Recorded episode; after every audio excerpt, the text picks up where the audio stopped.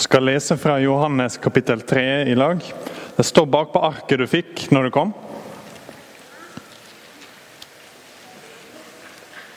Og der står det Og slik Moses løfter opp ormen i ødemarka, slik må menneskesønnen løftes opp. Så hver den som tror på Han, skal ha evig liv. For så elsker Gud verden, at Han ga sønnen sin den enbårne, så hver den som tror på Han, ikke skal gå fortapt, men ha evig liv. Gud sendte ikke sønnen sin til verden for at han skulle dømme verden, men for at verden skulle bli frelste ved han. Den som tror på han, blir ikke dømt. Den som ikke tror, er alt dømt fordi han ikke har trodd på navnet til Guds enbårne sønn. Og dette er dommen. Lyset er kommet til verden, og mennesket elsker mørket mer enn lyset, for gjerningene deres var vonde. For den som gjør det vonde, hater lyset og kommer ikke til lyset, så gjerningene hans ikke skal komme opp i dagen. Men den som følger sanninga, kommer til lyset, så det skal bli klart at gjerningene hans er gjort i Gud. Jeg skal se litt på denne teksten nå. Men først så vil jeg fortelle dere om en kjekk e-post jeg fikk denne veka. Jeg må lære meg å si navnet hans snart, for jeg tror han kommer til å bli en viktig person i mitt liv.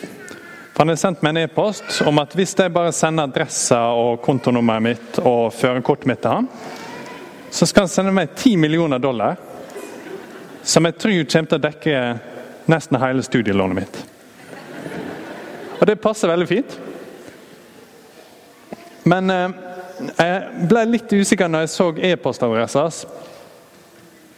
Um, men så kom jeg på at det er sikkert bare mange som jobber i det selskapet. Så han er sikkert ansatt nummer 700 millioner. Så det er sikkert derfor han har fått den e-postadressen. Så jeg holder på å tenke litt på det, om jeg skal bekrefte det eller ikke. Men jeg er litt usikker. Men det høres ut som en god deal, egentlig. da. Men jeg vil vise dere en annen ting også. Her er en kar med et vanskelig navn. Han heter Felix Baumgartner. Kanskje han er tysk, jeg vet ikke. Som er her oppe i en eh, ballong, sånn værballongaktig ting, i et lite romskip. Og så skal han hoppe i fallskjerm ut. Ta en kikk på det. Så dette er ekte. Det har skjedd. Han overlever faktisk.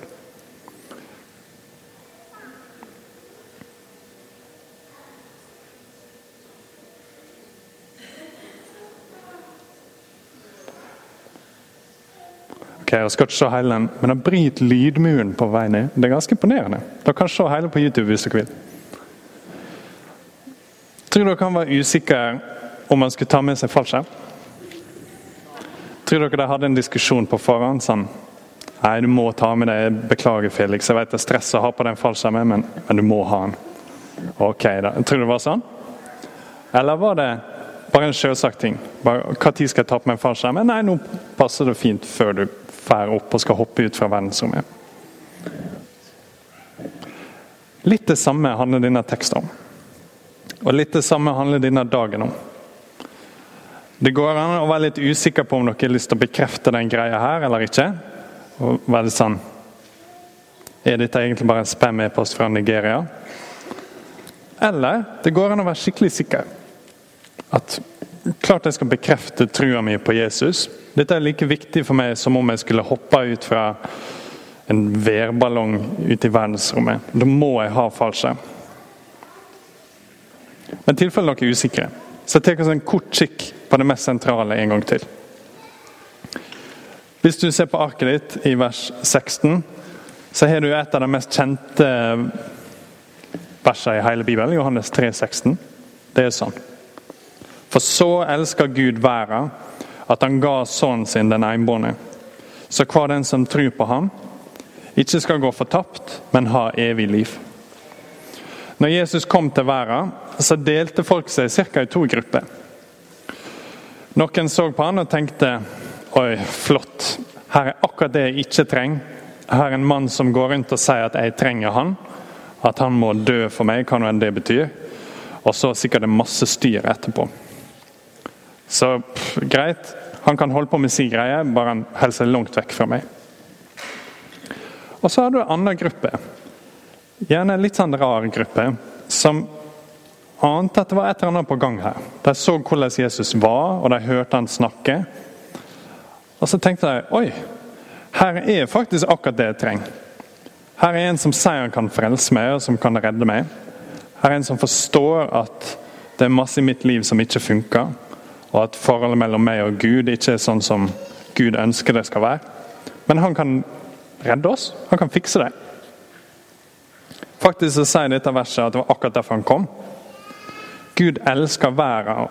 Av og til kan det være litt vanskelig for oss å elske verden. ikke sant? Og ser at det er masse som ikke er sånn som det skal være. Det er krig. Folk gjør ting mot oss som oss ikke liker, og gjør ting mot andre til og med.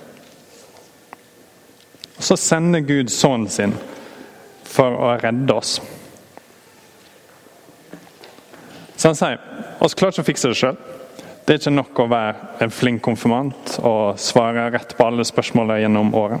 Det er ikke sånne ting Gud bryr seg om. Han bryr seg om dere vil tro på han. Så tenk på det sånn. Jesus er fallskjermen, ikke sant?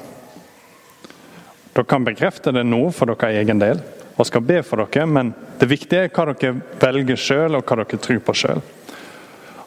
Skal konfirmantåret være en litt sånn rar greie som dere holdt på med i 2017 og 2018, der det var en litt merkelig prest som dere lurer på var han konfirmant, eller er han faktisk prest?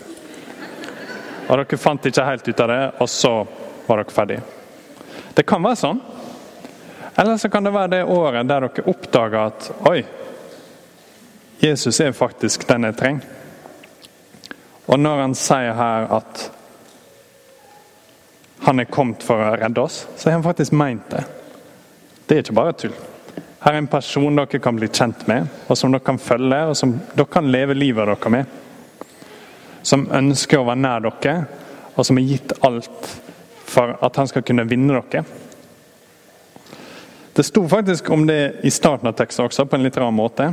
Kikk til på vers 14. For det er sånn bibelvers som kanskje ikke henger på kjøleskapsdøra di. Der står det Og slik Moses løfter opp ormen i ødemarka, slik må menneskesånden løftes opp, så hver den som tror på Han, skal ha evig liv. Fortellinga som Johannes viste til der, var en gang Moses lagde en slange. Det som hadde skjedd, var at hele israelsfolket, Guds folk, var på en plass. De bodde i en stor leir. Det var ganske mange, jeg tror det var en million stykk cirka. Og så kommer det en invasjon av slanger som er giftige, som biter dem, og så dør de i hopetall. Og Så får de en enkel løsning fra Gud. Han sier bare lag en slange i kopper og sett den høyt opp på en stang, sånn at alle ser den. Så Kjempeenkelt. Folk kan bare gå og se på den, og så skal de bli friske. Så er det samme greia der som med Jesus. Du får to grupper mennesker. Du får en gruppe som sier ah, jeg er ganske syk. Det her er slangegift, jeg tåler ikke den så godt, så jeg får høyt verk. Og da gidder jeg ikke å styre med det her gå og se-greia. Jeg har ikke tid. Jeg orker ikke. Så er det en annen gruppe som tenker Jeg er bitt av en slange, jeg har sett den slangen. Jeg kommer til å dø.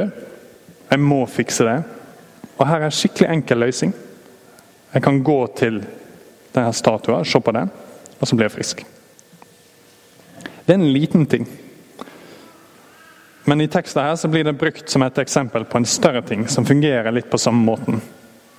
Menneskesønnen ble løfta opp. Jesus ble hengt på et kors. Sånn at hver den som tror på ham, skal ha evig liv. Dere velger. Men dere kan gå til han og se på han og få evig liv i å kjenne han. Nå skal vi høre en sang som handler om akkurat dette.